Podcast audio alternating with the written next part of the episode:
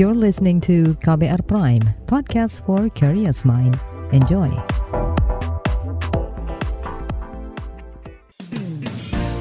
Anda mendengarkan Ruang Publik edisi khusus Indonesia Baik. Bersama kita jadikan Indonesia baik. Selamat pagi saudara, kita berjumpa kembali dalam Ruang Publik KBR edisi Indonesia Baik di hari ini. Kita mengangkat tema asap pelestari lingkungan di tengah berbagai rintangan. Pelestarian hutan dan sungai di beberapa daerah di Indonesia sudah banyak dilakukan, termasuk yang dilakukan oleh masyarakat secara mandiri. Mereka berjuang di tengah berbagai rintangan bahkan bahaya. Pagi ini di ruang publik KBR edisi Indonesia Baik, kita akan dengarkan cerita mereka. Ada Farwiza Farhan, aktivis lingkungan dan konservasionis hutan di kawasan ekosistem Loser. Wagisan, Ketua Kelompok Pelindung Hutan Kepuh, dan Arum Wismaningsih, pendamping dan pelatih polisi air Wonosalam. Kita buka ruang publik pagi ini dengan mendengarkan perbincangan Farwiza Farhan, aktivis lingkungan dan konservasionis hutan di kawasan ekosistem Loser bersama jurnalis KBR Aika Renata. Belum lama ini, Farwiza juga masuk dalam daftar Time 100 Next 2022 kategori Leaders. Mungkin Kak Wiza boleh cerita sedikit nih. Gimana nih, kapan dan gimana tahunnya sudah masuk daftar Time 100 Next 2022 ini? Aku nggak tahu ya apakah aku authorized untuk cerita ini atau enggak. Um, tapi sejujurnya waktu itu bulan lalu um, ketika aku sedang, eh sebenarnya bulan akhir Agustus, Deng. Uh, akhir Agustus waktu itu aku sedang sakit karena uh, demam berdarah dan sedang terbaring di rumah sakit ketika aku dapat email dari editor Time uh, email itu berkat mengatakan bahwa Hai Farwiza, saya dari Time, uh, boleh nggak kamu kirimkan brief uh, tentang pekerjaan kamu di kawasan ekosistem Loiser um, dan apa yang sudah dilakukan karena saya ingin menominasikan kamu ke dalam Time 100 Next. Uh, terus aku kayak, hm, apa itu Time 100 Next? terus uh, beliau mengirimkan link, tapi karena waktu itu kondisi trombosit lagi drop-dropnya, aku lagi demam tinggi, um, aku hampir tidak bisa membaca dan merespon email tersebut. Lalu kemudian uh, edi uh, Kate, uh, editor Time follow up lagi uh, dan bilang Fariza mohon dibalas karena uh, ini waktunya agak sempit dan dan pressing. Aku teruskan ke kolegaku di Yayasan HK untuk minta tolong, uh, maaf aku lagi sakit, boleh nggak kalian tolong balas email ini? Kolegaku yang amat luar biasa itu menyiapkan brief uh, seperti yang diminta dan mengirimkannya ke Kate.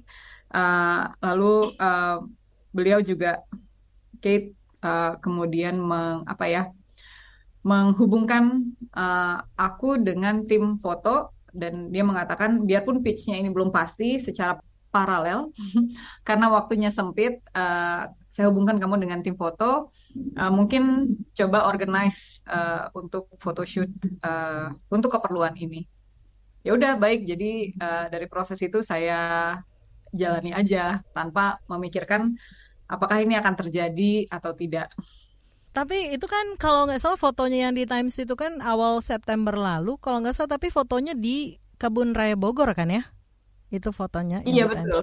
Kenapa nggak di Loser aja? Maunya sih di Loser ya. Cuman waktu itu kebetulan saya masuk rumah sakitnya di Jakarta, di rumah sakit UI. Uh, eh, dengan waktu yang amat sangat singkat, uh, fotografernya waktu itu Fadli lagi di Sarawak dengan assignment lain. Uh, kita cuma punya waktu dua hari untuk membereskan urusan perizinan, uh, perjalanan dan lain-lain untuk membawa tim ke kawasan ekosistem Loiser. Uh, logistically agak sulit dengan uh, waktu yang yang singkat. Sehingga hmm. akhirnya ya sudah uh, kita mencari lokasi yang ada hutan-hutannya. Um, fotografernya cerdas terus teringat oh ya di kebun raya Bogor bisa. Tapi btw nih kondisi loser sekarang gimana sih? Yang terbaru nih Kak Biza Um, sebenarnya tergantung ya, karena kalau kita melihat kondisi kawasan ekosistem Loiser, di satu sisi kawasan ekosistem Loiser itu masih menjadi tempat terakhir di dunia di mana empat satwa langka, gajah, badak, harimau, dan orangutan masih tinggal bersama-sama di alam. Tetapi di saat yang bersamaan, tutupan hutan di Loiser itu masih terus menurun dari tahun ke tahun. Biarpun rate penurunannya itu berkurang. Jadi kalau kita melihat um, kehilangan tutupan hutan di Loiser mulai dari tahun 2018 sampai tahun 2022 kehilangan tutupan hutan itu masih ada tapi rate-nya semakin lama semakin kecil uh, kecuali tahun 2020 yang sempat uh, melonjak uh, agak banyak. Hmm. Nah, kehilangan tutupan hutan ini kan berdampak ya pada keberadaan uh, empat satwa uh, langka tadi sekaligus banyak uh, flora, fauna dan fungal lain yang ada di kawasan ekosistem Loiser aku tuh kalau bicara tentang kawasan ekosistem Loiser punya banyak harapan dan optimis bahwa kita bisa merubah uh, keadaan di kawasan ekosistem Loiser. Aku percaya bahwa uh, dengan merubah uh, sudut pandang melihat lanskap ini, merubah cara kita membuat regulasi yang mengelola lanskap ini dan uh, mulai beralih ke ekonomi yang lestari, maka kita bisa melindungi dan merestorasi kawasan ekosistem Loiser untuk jangka waktu yang jauh lebih panjang. Kalau tadi disebutkan nih uh, menyoal kondisi satwa di sana, pengen tahu juga nih Kak Wiza bahwa uh, bagaimanapun kalau misalnya kel, kelnya rusak, otomatis juga akan mengganggu kondisi satwa gitu ya. Bagaimana satwa di sana. Tapi yang terbaru kalau Bagaimana pengaruhnya terhadap kondisi-kondisi kondisi kel ini terhadap kondisi satwa di sana sekarang nih kak? Um, misalnya kan gini ya, dari beberapa uh, bulan dan beberapa tahun terakhir kita melihat eh, berita-berita uh, tentang kematian gajah yang terkena racun atau kematian harimau yang terkena jerat beberapa bulan yang lalu malah ada berita yang sungguh bikin uh, tertusuk hati dan sedih karena uh, tiga harimau uh, terkena jerat dan dan mati bengkak uh, begitu saja. Biarpun uh, pengakuan orang yang memasang jerat bahwa tidak ada niat untuk uh, menjerat harimau, tapi kenyataannya harimau itu tetap mati. Uh, konflik satwa dan dan manusia itu um, terus terjadi di daerah-daerah pinggiran hutan termasuk di kawasan ekosistem Loiser. Tapi apakah itu konflik seperti tadi yang disebutkan Kak Wiza? Apakah itu menjadi uh, ancaman terbesar untuk uh, kawasan ekosistem Loiser ini atau ada yang lebih besar dari itu sawit misalnya atau tambang? um, ada yang lebih besar. Jadi tapi gini, kadang-kadang kan kita tuh punya paradigma bahwa satu komoditas tertentu layak untuk disalahkan untuk uh, terhadap semua kerusakan. Padahal kenyataannya itu lebih dari itu. Komoditas itu bisa bersalah quote and quote karena perspektif kita dalam melihat suatu lanskap. Uh, jadi lanskap seperti kawasan ekosistem Loiser itu rusak karena perspektif kita dalam melihat lanskap itu untuk dieksploitasi. Ketika kita melihat suatu lanskap yang luas, yang yang punya berbagai jasa lingkungan, yang punya uh, keanekaragaman hayat yang sangat banyak hanya untuk dieksploitasi, maka eh, pilihan-pilihan uh, yang kita ambil dalam pengelolaan lanskap ini juga menuju ke arah sana. Contoh, kita memilih membangun jalan yang membelah uh, satu daerah dengan daerah lain, satu kepinghutan dengan kepinghutan yang lain, menjadikan itu fragmentasi habitat. Ketika jalan itu uh, terbentang, uh, maka biasanya area hutan yang ada di pinggir-pinggir jalan itu turut rusak dalam waktu uh, tidak terlalu lama. Rusaknya itu boleh bisa dengan komoditas apa saja, mulai dari uh, sereh misalnya, uh, sawit termasuk atau uh, tanaman-tanaman lain yang yang ditanam secara monokultur uh, yang kemudian merusak satu lanskap. Apakah pertambangan juga harus disalahkan? Sebenarnya di satu sisi semua salah juga tidak ada yang salah. Uh, karena kalau bagaimanapun kita tidak lupa uh, bahwa hampir semua kegiatan ekonomi itu bisa mempunyai dampak uh, baik positif maupun negatif. Masalahnya bagaimana kita melihat uh, dan dan mengelola serta meminimalisir dampak yang ditimbulkan kerjanya Kak Wiza ini kan berkaitan dengan aspek kebijakan dan juga advokasi gitu. Fokusnya meningkatkan akses dan keterlibatan masyarakat lokal dalam pengembangan kebijakan yang berkaitan dengan lingkungan dan juga mata pencaharian mereka.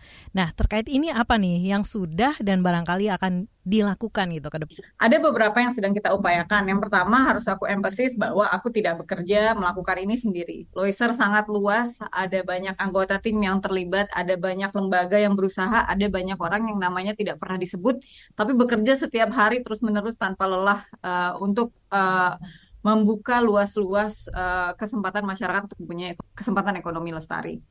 Nah, salah satu hal yang kita lakukan bersama dengan para kolega di beberapa lembaga itu misalnya uh, mencoba untuk encouraging uh, membuka jalan bagi uh, masyarakat yang melindungi hutan uh, supaya madu yang mereka dapatkan dari hutan itu bisa diakses bisa mendapatkan akses ke pasar. Uh, jadi upaya teman-teman lewat koperasi uh, madu loiser uh, membuka ruang-ruang untuk itu.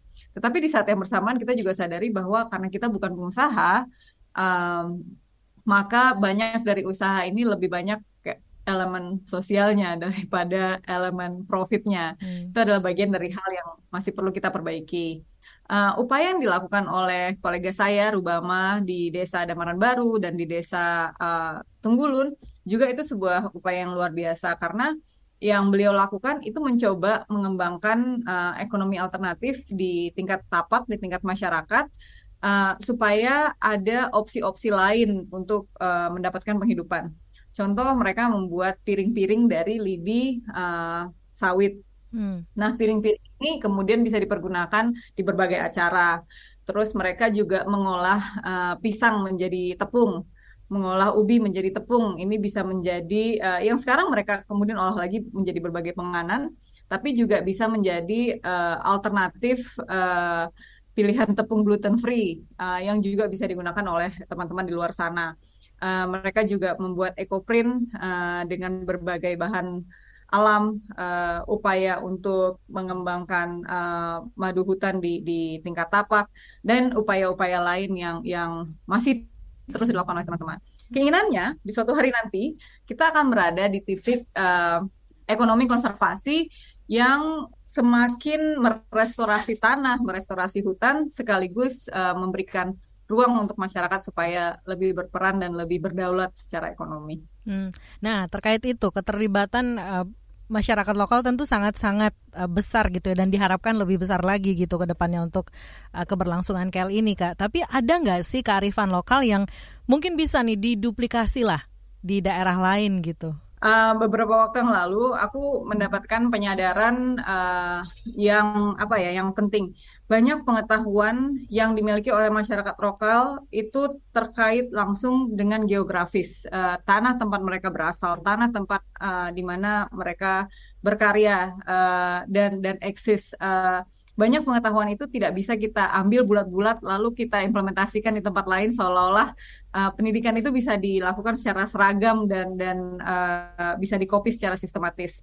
Uh, penting untuk belajar mendengar uh, dan dan mengkompilasi pengetahuan ini karena selama ini banyak pengetahuan uh, diturunkan secara turun temurun uh, tanpa proses untuk memformalisasikan pengetahuan ini seolah-olah pengetahuan yang dimiliki masyarakat di tingkat tapak itu tidak ada nilainya. Padahal kenyataannya mereka jauh lebih tahu apa yang terjadi di daerah tersebut uh, daripada kita orang luar yang mungkin udah sekolah tinggi-tinggi, punya teori banyak-banyak, uh, tapi tidak tahu harus bagaimana kalau uh, ditinggal sendirian di hutan. Uh, mungkin nih untuk uh, para pendengar kita nih yang pengen tahu lebih jauh sebenarnya soal uh, KEL ini atau mungkin ada yang baru dengar gitu ya soal kawasan ekosistem Loiser ini boleh diberikan sedikit penjelasan nih Kak. Sebenarnya kenapa sih penting banget gitu untuk bisa menjaga kelestarian kel? Gini ya, aku membayangkan mungkin biarpun banyak yang nggak kenal kawasan ekosistem Loiser, tapi mungkin ada banyak orang yang pernah nonton film Anaconda. Hmm. Uh, dan kan di film itu diceritakan upaya untuk para saintis mencari suatu tanaman bernama blood orchid yang konon katanya bisa uh, membuat kita hidup panjang umur selamanya gitu ya. Biarpun ini legenda, ini adalah sebuah uh, contoh uh, bahwa betapa kaya keanekaragaman hayati yang ada di hutan-hutan Indonesia, yang yang ada di berbagai ekosistem di Indonesia yang bahkan belum kita ketahui. Nah, kawasan ekosistem Loiser itu hanyalah salah satu lanskap dari banyak uh, lanskap hutan di seluruh negeri yang sangat penting untuk dikonservasi.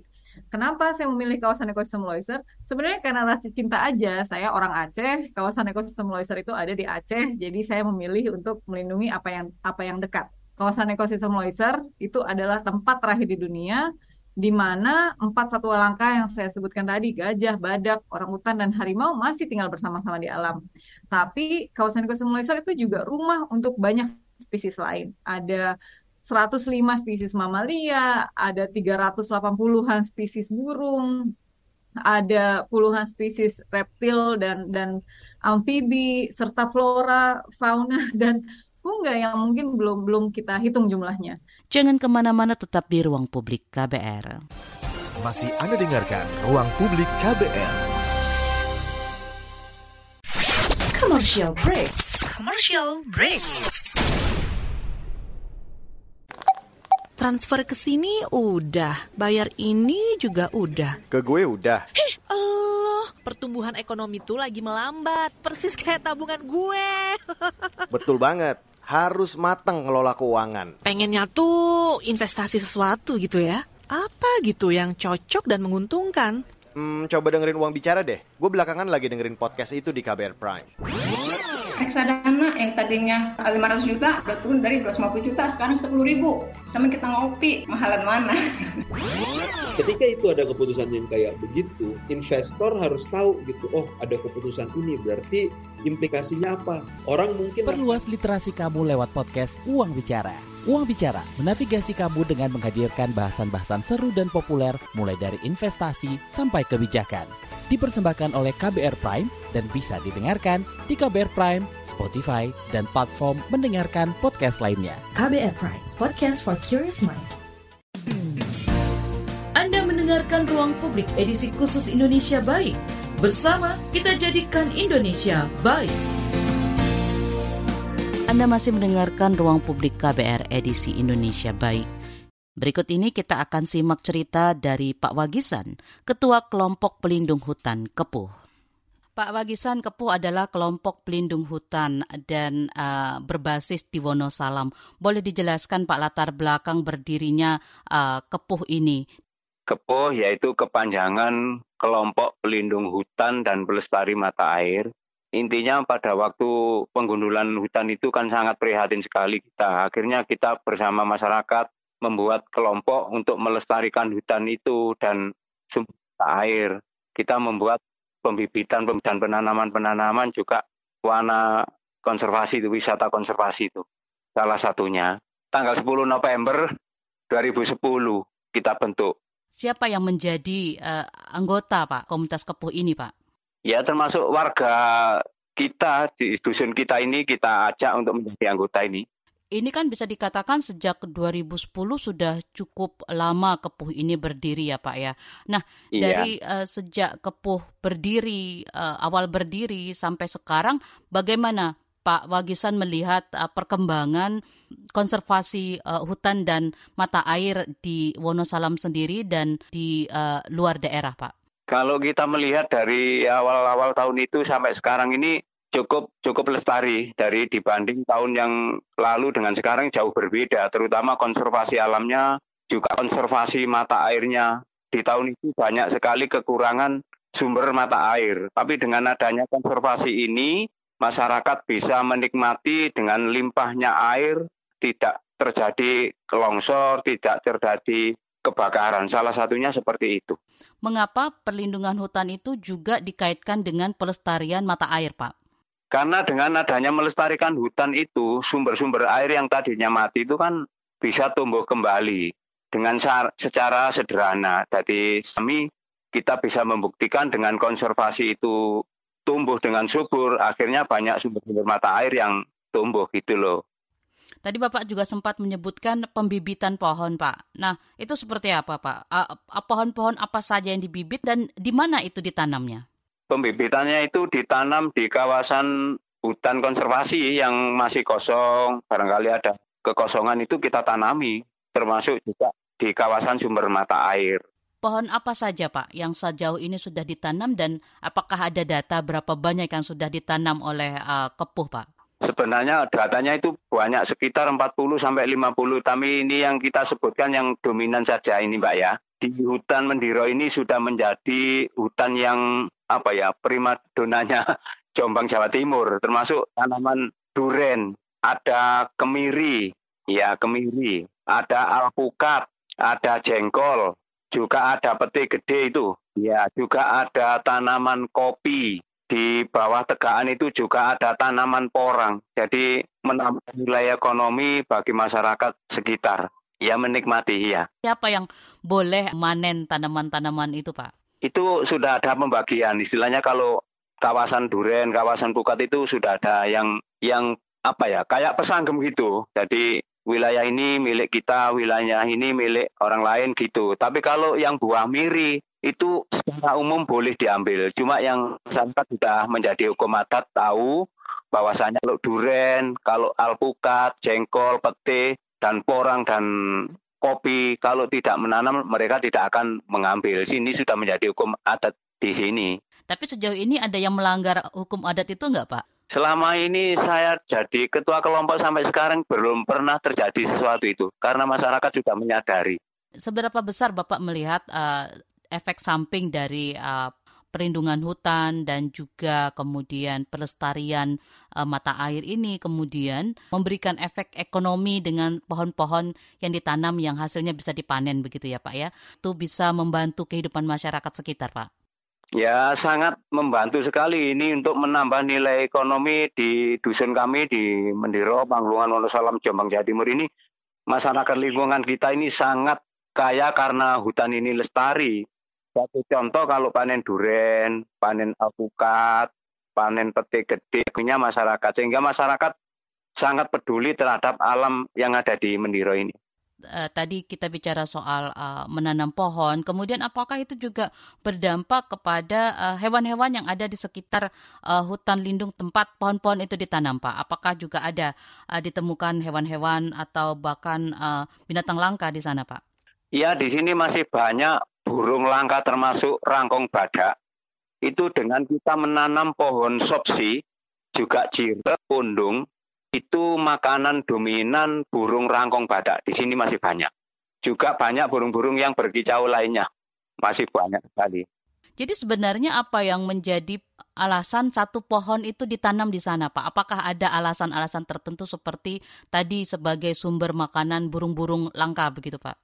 Iya, karena kalau nanam pohon sopsi itu kan juga kita jariah kepada hewan-hewan itu termasuk burung-burung langka yang ada di situ. Bantuan pemerintah sendiri uh, terhadap kegiatan kepuh karena ini kan juga merupakan bagian dari uh, hutan yang uh, hutan lindung begitu ya Pak. Ya seperti apa Pak bantuan pemerintah kepada masyarakat dan juga kepada kepuh Pak? Ini kita sudah merasa terima kasih juga difasilitasi juga dibantu artinya didukung, disupport oleh pemerintah dari kehutanan, dari dinas lingkungan hidup, juga dari Bu Bupati Jombang sudah mengapresiasi membantu kegiatan kita. Saya sangat terima kasih kepada Bu Bupati Jombang Jawa Timur. Seperti apa Pak bantuan yang diberikan Pak? Ya termasuk untuk wisata konservasinya kita dibantu alat-alat termasuk tenda, termasuk sleeping bag dan lain sebagainya juga tikar, dan lain-lain. Masuk binokuler. Nah, boleh diceritakan tuh Pak soal uh, wisata konservasi ini seperti apa? Siapa yang bisa menikmati wisata di sana dan bagaimana uh, caranya untuk bisa uh, mengikuti atau menikmati uh, fasilitas uh, pariwisata di sana, Pak? Ya, kalau anak ada dari sekolah-sekolah dari Universitas Surabaya itu kita edukasi bagaimana cara menanam pohon, bagaimana untuk meneliti pohon, bagaimana untuk merawat pohon. Lah edukasi seperti itu juga ada bonus untuk melihat burung rangkong di situ, juga melihat alam yang seindah itu, juga ada sungai sungai Boro yang seluas itu. Jadi mereka itu sambil menanam juga ada istilahnya wisata gitu loh, Bu. Nah, sejauh ini yang datang apakah hanya mahasiswa, Pak, uh, yang datang menikmati uh, wisata? Apakah juga ada kelompok-kelompok masyarakat lain atau siswa-siswi dari sekolah SMA atau SMP barangkali, Pak? Iya banyak ya dari SMP bahkan dari MI kelas 4 dari Jombang itu sering ke sini juga SMP, SMA, juga anak-anak pondok, Ciputra, Surabaya, UNESA, ITS itu pada ke sini semuanya ber ya apa ya beredukasi di sini. Bagaimana kok hutan ini bisa seperti ini gitu loh. Apakah ada musim-musimnya Pak atau hanya boleh waktu tertentu saja untuk bisa datang? Ya artinya nggak nggak tunggu musim.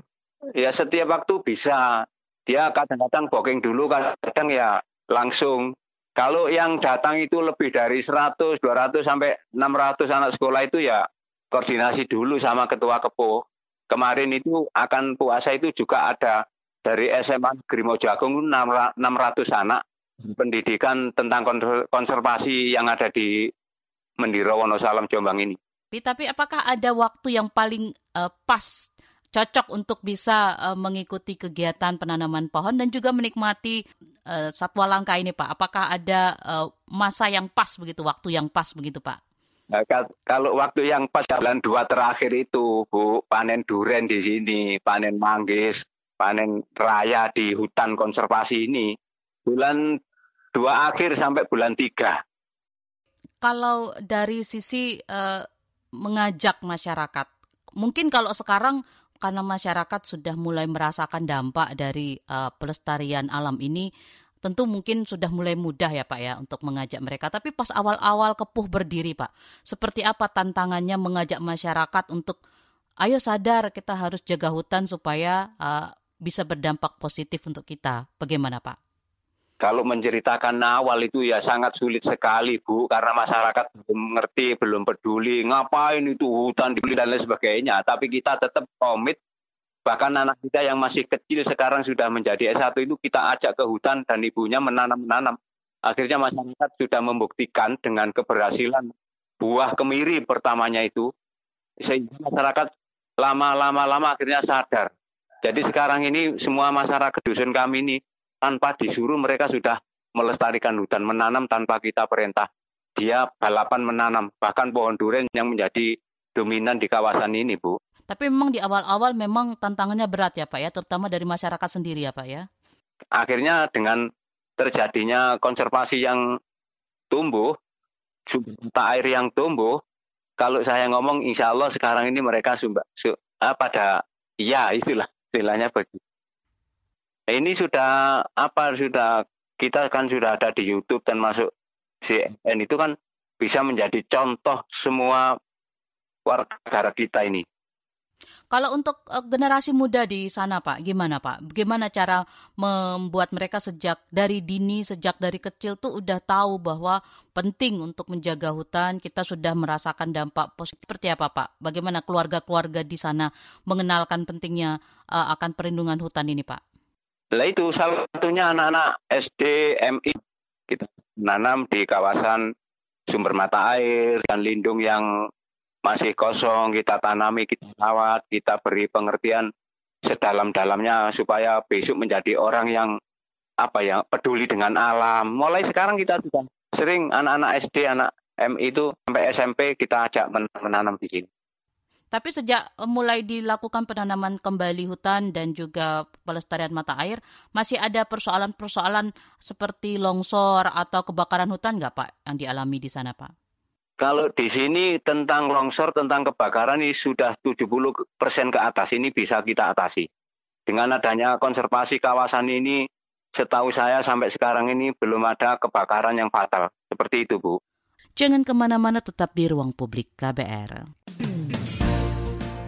Mendengarkan Ruang Publik edisi khusus Indonesia Baik. Bersama kita jadikan Indonesia baik. Terima kasih untuk Anda yang masih setia mendengarkan Ruang Publik dari KBR edisi Indonesia Baik hari ini yang mengangkat tema Asap Pelestari Lingkungan di Tengah Berbagai Rintangan.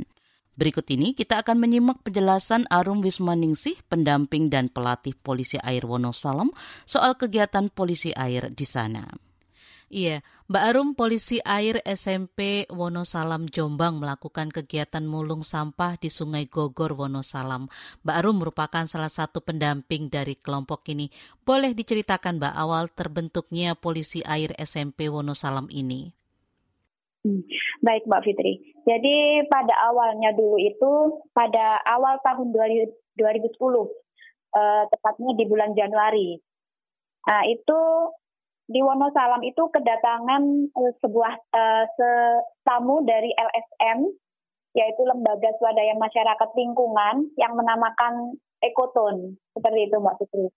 Nah, uh, kunjungan Ekoton ke Wonosalam itu adalah untuk melihat hulu Sungai Brantas karena Ekoton itu kan uh, berada di di Kabupaten Gresik, uh, di mana ekoton itu konsen di lahan basah yang menangani sungai seperti itu. Kemudian uh, di Wonosalam, ekoton itu berkunjung ke warga uh, yang sebagai mereka itu pelindung hutan. Jadi di Wonosalam itu ada sebuah desa yang warganya itu uh, melindungi hutan mereka. Nah, kemudian uh, selain berkunjung ke warga sebagai pelindung hutan, juga mengunjungi sekolah-sekolah Mbak Fitri seperti itu. Nah dari situ ada sebuah cerita dari warga bahwa pada tahun 98 itu hutan itu tidak seperti itu, tetapi gundul karena adanya penebangan hutan secara liar, besar-besaran. Kemudian banyak mata air yang sudah rusak. Nah, dari situ kemudian tergagas uh, untuk membentuk sebuah komunitas yang salah satunya adalah dari anak-anak sekolah. Jadi kunjungan ke sekolah, kemudian membentuk sebuah komunitas yang uh, pesertanya atau anggotanya adalah dari anak-anak sekolah yaitu dibentuklah polisi air seperti itu Mbak Fitri. Jadi ini sudah didirikan sejak lama begitu ya Mbak ya Polisi Air SMP Wonosalam ya, ini? Betul sekali. Polisi Air sudah berdiri sejak awal 2010. Apa saja kegiatan Polisi Air Wonosalam sejak berdiri hingga saat ini Mbak selain mulung sampah di sungai Mbak? Ya, sejak awal kegiatan polisi air itu adalah memantau kualitas air sungai, Mbak Fitri. Jadi dipantau apakah sungai mereka itu uh, masih bersih, apa sudah atau sudah tercemar. Nah, terus kemudian Ekoton itu memberikan uh, sebuah pelatihan. Uh, kebetulan waktu itu saya juga masuk dalam Ekoton karena uh, saat itu saya sedang penelitian di sana. Uh, tetapi rumah saya di Jombang, uh, begitu Mbak Fitri. Uh, jadi terus kemudian uh, saya mendampingi Ekoton untuk ke sekolah dan warga di Wonosalam, kemudian memberikan pelatihan bagaimana cara memantau kualitas air sungai itu uh, dengan cara melihat biota-biota yang ada di dalam sungai itu sendiri. Jadi biota-biota yang menjadi indikator kualitas air sungai. Seperti itu Mbak Fitri. Jadi kegiatannya adalah memantau kualitas air sungai dengan cara melihat biota-biotanya dan juga memulung sampah plastik di sekitar sungai. Seperti itu. Kalau uh, dari namanya kan Polisi Air SMP Wonosalam, berarti ini apakah ya. uh, Polisi Air ini terdiri dari siswa-siswi SMP begitu Mbak? Iya, betul betul sekali Mas Fitri. Jadi memang dari awal dibentuknya polisi air itu memang uh, kita tetap berada di naungan uh, sekolah. Jadi ya, jadi kita tetap uh, apa kegiatannya tetap berada di bawah naungan sekolah. Waktu itu sebagai ekstrakurikuler Mbak Fitri. Gitu ekstrakurikuler yang memang anggotanya adalah uh, siswa-siswi SMP Negeri Satu Wonosalam itu sendiri, kemudian uh, menunjuk saya sebagai pelatih dan pendampingnya, karena kan uh, saya berdomisili di Jombang, begitu Mbak. Jadi saat ini uh, yang terlibat aktif yang uh, menjadi anggota dari Polisi Air SMP Wonosalam ini adalah SMP Negeri 1 Wonosalam begitu ya Mbak ya? Iya, siswa-siswinya dan saya sebagai pelatihnya gitu Mbak. Ini kan sebenarnya kegiatan yang sangat bermanfaat uh, juga uh, selain uh, menjaga lingkungan tentunya uh, ini kan satu hal yang uh, bisa membentuk uh, kesadaran dan juga karakter anak-anak uh, begitu ya Mbak ya. Apakah uh, kegiatan ini hanya ada di S1 SMP saja di Jombang sana atau ada sekolah-sekolah uh, lain yang terlibat dengan kegiatan yang serupa Mbak? Iya Mbak.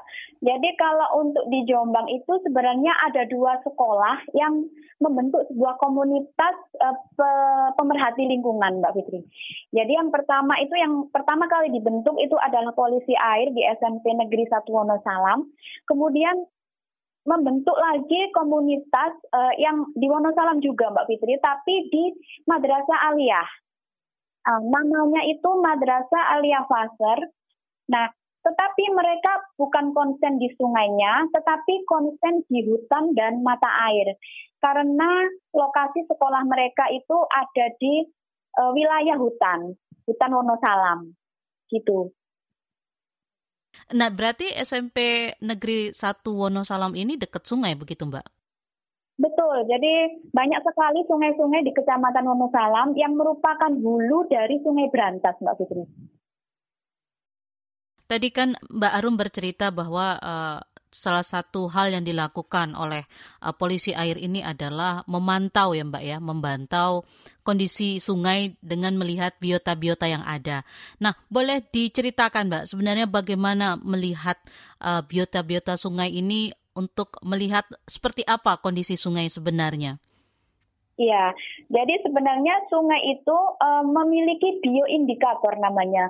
Jadi yang menjadi bioindikator adalah biota-biota air itu sendiri, seperti misalnya udang, kemudian uh, apa namanya larva serangga. Jadi serangga itu Mbak Fitri sebelum mereka terbang itu adalah menaruh menaruh telurnya di sungai hingga bertelur uh, uh, hingga menetas menjadi larva.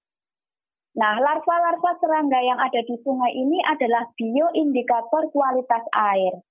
Jadi, ketika banyak larva-larva serangga di sungai, berarti bisa diindikasikan bahwa sungai itu masih bersih dan tidak tercemar. Nah, kemudian bioindikator yang lain itu adalah cacing, Mbak Putri. Ketika di sungai itu sudah sudah tidak ditemukan larva serangga, melainkan didominasi oleh uh, apa cacing, Berarti itu sudah mengindikasikan bahwa sungai tersebut sudah tercemar, eh, terutama biasanya kalau cacing itu tercemar bahan organik. Seperti itu. Kalau untuk kondisi sungai di Wonosalam sendiri seperti apa temuan uh, sampai saat ini, Mbak Arum? Ya, alhamdulillah kalau untuk sungai di Wonosalam itu masih dikategorikan bersih dari uh, biomonitoring itu masih di, banyak ditemukan larva-larva serangga, masih ditemukan banyak udang.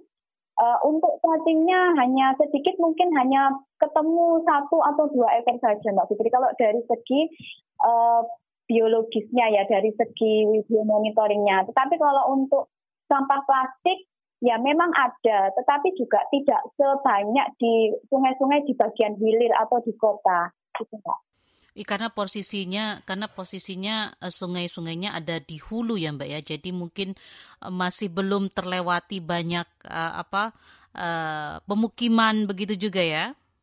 Ya, betul sekali. Nah, kalau untuk sampah-sampah yang dikumpulkan dari uh, sungai di Wonosalam itu apakah uh, dipilih sampah tertentu atau semua sampah yang ditemukan di sungai diangkut Mbak sama polisi air ini? Uh, jadi sebenarnya kalau sampah itu kita ngambil khusus yang sampah plastik, Mbak. Jadi kalau sampah yang organik seperti ranting, dedaunan, dedaunan justru itu tidak tidak kita ambil karena uh, karena sampah-sampah organik adalah makanan dari biota air itu. Jadi yang kita ambil adalah sampah yang kategori plastik. Misalnya uh, kami menemukan seperti botol uh, botol minuman sekali pakai, kemudian ada pamper juga, kemudian saset-saset, kemudian bungkus sisa makanan ringan, dan tas-tas kresek yang kadang mereka orang ke sungai ditinggal seperti itu Mbak Fitri. Setelah dikumpulkan dikemanakan Mbak? Nah ini yang sekarang ini menjadi uh, apa ya masih dalam apa istilahnya kalau di Wonosalam itu belum punya TPS, belum punya TPS daerah. Jadi selama ini sampah-sampah plastik itu ditumpuk, dikumpulkan di satu titik itu di pasar Wonosalam, Mbak. Jadi kalau sudah numpuk itu dibakar. Nah, ini masih uh, dalam proses untuk pengajuan TPS 3R. Uh, terakhir saya dapat kabar itu kemarin waktu peringatan Hari uh, Lingkungan Hidup tanggal 5 Juni uh, ada kabar bahwa pengajuan itu diterima, alhamdulillah. Tapi tetap saja itu butuh proses dan waktu juga ya Mbak ya, iya, ya untuk betul, membuatnya. Betul Mbak diterima prosesnya asif agak panjang. Nah tadi kan Mbak Arum bercerita bahwa kegiatan polisi air ini kan uh, merupakan bagian dari kegiatan uh, ekstrakurikuler di sekolah begitu ya Mbak ya. Nah untuk uh, dukungan pihak sekolah sendiri uh, kepada polisi air seperti apa, Mbak? Kalau untuk sekolah itu sangat mengapresiasi kami. Jadi memang pada awalnya memang e, dibentuknya itu memang bersama-sama. Jadi ekoton dari LSM lingkungan e, bersama sekolah menjalin sebuah kerjasama e, untuk e, membentuk sebuah komunitas pecinta lingkungan seperti itu. Jadi kami selalu didukung setiap ada kegiatan atau event-event besar seperti Hari Lingkungan Hidup, kemudian Hari Air, itu kami selalu didukung untuk uh, bisa berpartisipasi untuk memeriahkan, mengikuti seperti itu. Dan kami juga selalu diberikan uh, istilahnya peralatan-peralatan yang memadai untuk uh, uh, apa namanya uh, pemantauan kualitas air itu seperti misalkan peralatan jaring, kemudian sepatu boot itu kan harus eh, anak-anak kalau turun ke sungai kan harus pakai sepatu boot. Nah semua itu diberikan fasilitas yang memadai, Mbak. Nah, anak-anak sendiri seperti apa tingkat antusias mereka, Mbak, dan dukungan juga orang tua kepada anak-anak mereka? Iya, kalau anak-anak sangat uh, semangat sekali karena apa? Karena mereka itu uh, belajar bekerja sambil bermain di sungai seperti itu Mbak Fitri. Oke, jadi uh, kalau orang tua juga alhamdulillah sangat mendukung karena pada awalnya itu sekolah uh, memberikan surat kepada surat izin seperti itu kepada orang tua apakah mengizinkan anak-anaknya untuk mengikuti uh, ekstrakurikuler polisi air yang uh, harus turun ke sungai setiap dua minggu sekali dan alhamdulillah uh, mereka para orang tua itu mengizinkan. Jangan ke mana-mana tetap di ruang publik KBR. Masih Anda dengarkan Ruang Publik KBR. Commercial break. Commercial break. Aduh, gue sedih banget ya rasanya. Nggak tahu kenapa. Kayak sedih banget gitu. Emang lo ngerasanya gimana? Ya pikiran gue tuh kayak nggak karuan aja gitu ke sana kemari. Terus pas lagi sedihnya tuh dapetnya yang bener-bener sedih banget. Itu udah dua hari begini terus. Oke, kita coba tanya Mbak Google ya. Apa ya kata kuncinya? Oh, coba gini deh. Ciri-ciri orang depresi. Gitu kali ya. Wah, nemu nih, ciri-cirinya sama banget kayak lo nih. Jadi, katanya nih, kalau lo sedih dua hari itu, Disko, diskusi psikologi. Hello Warriors, gue Kevin di podcast Disko, diskusi psikologi persembahan Into the Light Indonesia. Hapus stigma, peduli sesama, sayangi jiwa. Kalian nggak boleh loh diagnosa sendiri. Yang harus kalian lakuin adalah konsultasi ke psikolog atau ke psikiater. Kalau misalnya kalian ingin tahu tentang kesehatan mental langsung dari pakarnya, yuk dengerin podcast Disko, diskusi psikologi di kbrprime.id. KBR Prime, podcast for curious mind. Anda mendengarkan Ruang Publik edisi khusus Indonesia Baik. Bersama kita jadikan Indonesia baik. Kita tiba di bagian akhir ruang publik KBR edisi Indonesia Baik di hari ini. Masih akan kita simak penjelasan Arum Wismaningsih, pendamping dan pelatih polisi air Wonosalam. Cukup intens ya Mbak ya, dua minggu sekali ya sudah uh, turun ke sungai ya? Iya, dua minggu sekali. Jadi kami berpatroli keliling sungai di Wonosalam Mbak Fitri kan di Wonosalam sungainya ada banyak. Jadi misalkan untuk di minggu ini kita di Sungai Gogor. Sungai Gogor itu ada di sebelah SMP Negeri Wonosat, uh, Satu Wonosalam. Untuk uh, dua minggu selanjutnya kita bisa uh, ber, uh, pindah ke sungai di desa yang lain, gitu. Untuk saat ini ada berapa banyak anggota dari polisi air ini, Mbak? Kalau yang aktif saat ini 30 anak, Mbak. 30-an anak ya, Mbak ya?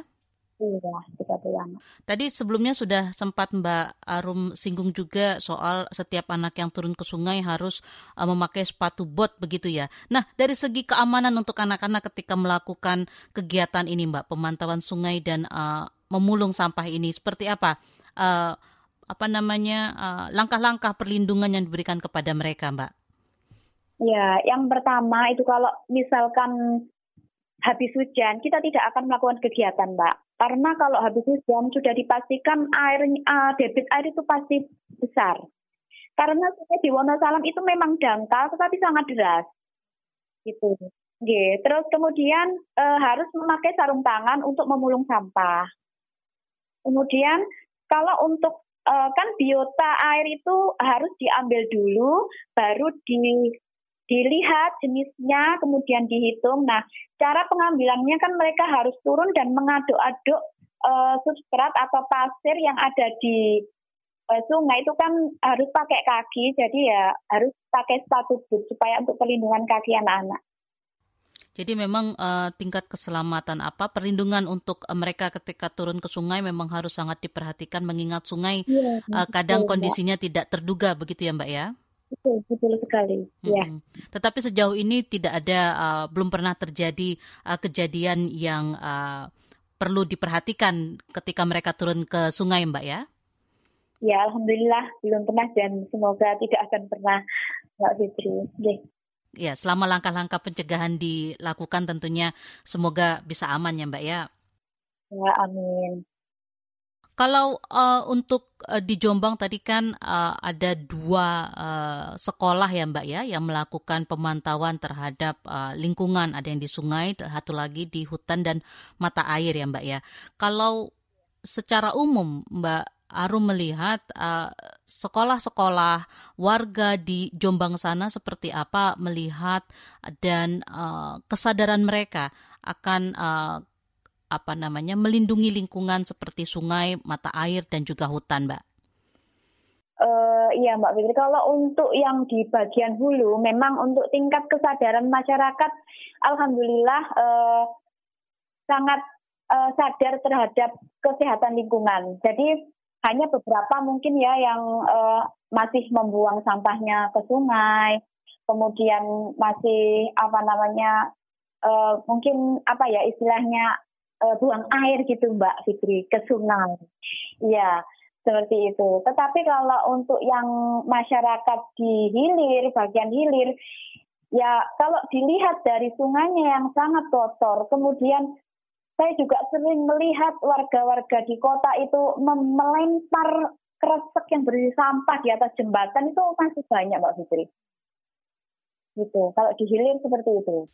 Jadi bisa dikatakan uh, tingkat kesadaran masyarakat masih belum, Mbak ya, masih belum tercipta begitu ya? Iya. Padahal kan sebenarnya sudah ada aturan-aturan yang uh, mengatur soal pembuangan sampah ke sungai yang akan berakibat pada denda atau hukuman penjara begitu ya Mbak ya. Bagaimana ya, pengawasan pemerintah terhadap pelaksanaan aturan ini di lapangan Mbak kalau begitu? Kalau menurut saya memang kalau di Jombang ini tidak terlalu ketat Mbak Fitri. Jadi uh, ya mereka mungkin yang pertama, kenapa mereka masih melemparkan uh, sampahnya ke sungai? Itu yang saya, yang saya lihat itu pertama karena tidak ada TPS. Jadi tidak ada petugas-petugas uh, yang mengambil sampah ke rumah. Kalau saya kan tinggal di perumahan ya Mbak Fitri. Kalau di perumahan itu rutin setiap pagi ada petugas yang mengambil sampah ke rumah-rumah. Tetapi di daerah lain itu banyak memang yang belum seperti itu. Jadi makanya mereka uh, membuang sampahnya ya. Yang penting rumah mereka itu bersih dan sampah itu harus dipindah, tetapi tidak peduli sampah itu mau dipindah ke mana gitu. Nah, gitu mbak. Jadi ketika TPS 3R terbentuk nantinya juga diikuti dengan uh, adanya petugas-petugas nanti yang mengumpulkan sampah sehingga uh, sampah masyarakat, sampah dari warga itu bisa uh, dikumpulkan dengan baik dan dikirim ke tempat pembuangan sampah begitu ya Mbak ya? Ya, betul Mbak Fitri. Baik. Uh, mungkin pesan Mbak Arum untuk uh, masyarakat, untuk terutama para pendengar KBR yang saat ini mendengarkan uh, siaran kita. Seperti apa pentingnya menjaga sungai kita dari uh, sampah uh, dan uh, apa namanya menjaga biota-biota yang ada di sana uh, sehingga uh, adanya sungai akan membantu kehidupan masyarakat secara umum, Mbak. Ya, yang pertama, yang pertama kali kita lakukan adalah stop untuk memakai uh, plastik sekali pakai yang bisa berpotensi untuk uh, mengotori lingkungan kita. Terus kemudian yang kedua, ketika kita memang belum bisa fokus untuk meninggalkan plastik, sebaiknya kita olah uh, sampah plastik kita dan tidak membuangnya ke sungai karena di sungai itu ada kehidupan. Jadi uh, ada kehidupan di sungai yang perlu dilestarikan seperti ikan dan biota-biota yang lain. Ketika ada uh, pencemaran di sungai, maka biota-biota atau kehidupan tersebut uh, tidak akan berlangsung seperti itu, Mbak. Itu saja sih. Demikian ruang publik KBR dengan tema asa pelestari lingkungan di tengah berbagai rintangan. Terima kasih untuk kebersamaan Anda di pagi ini. Saya Fitri Anggreni undur diri. Salam. Baru saja Anda dengarkan Ruang Publik KBR. KBR Prime, cara asik mendengar berita. KBR Prime, podcast for curious mind.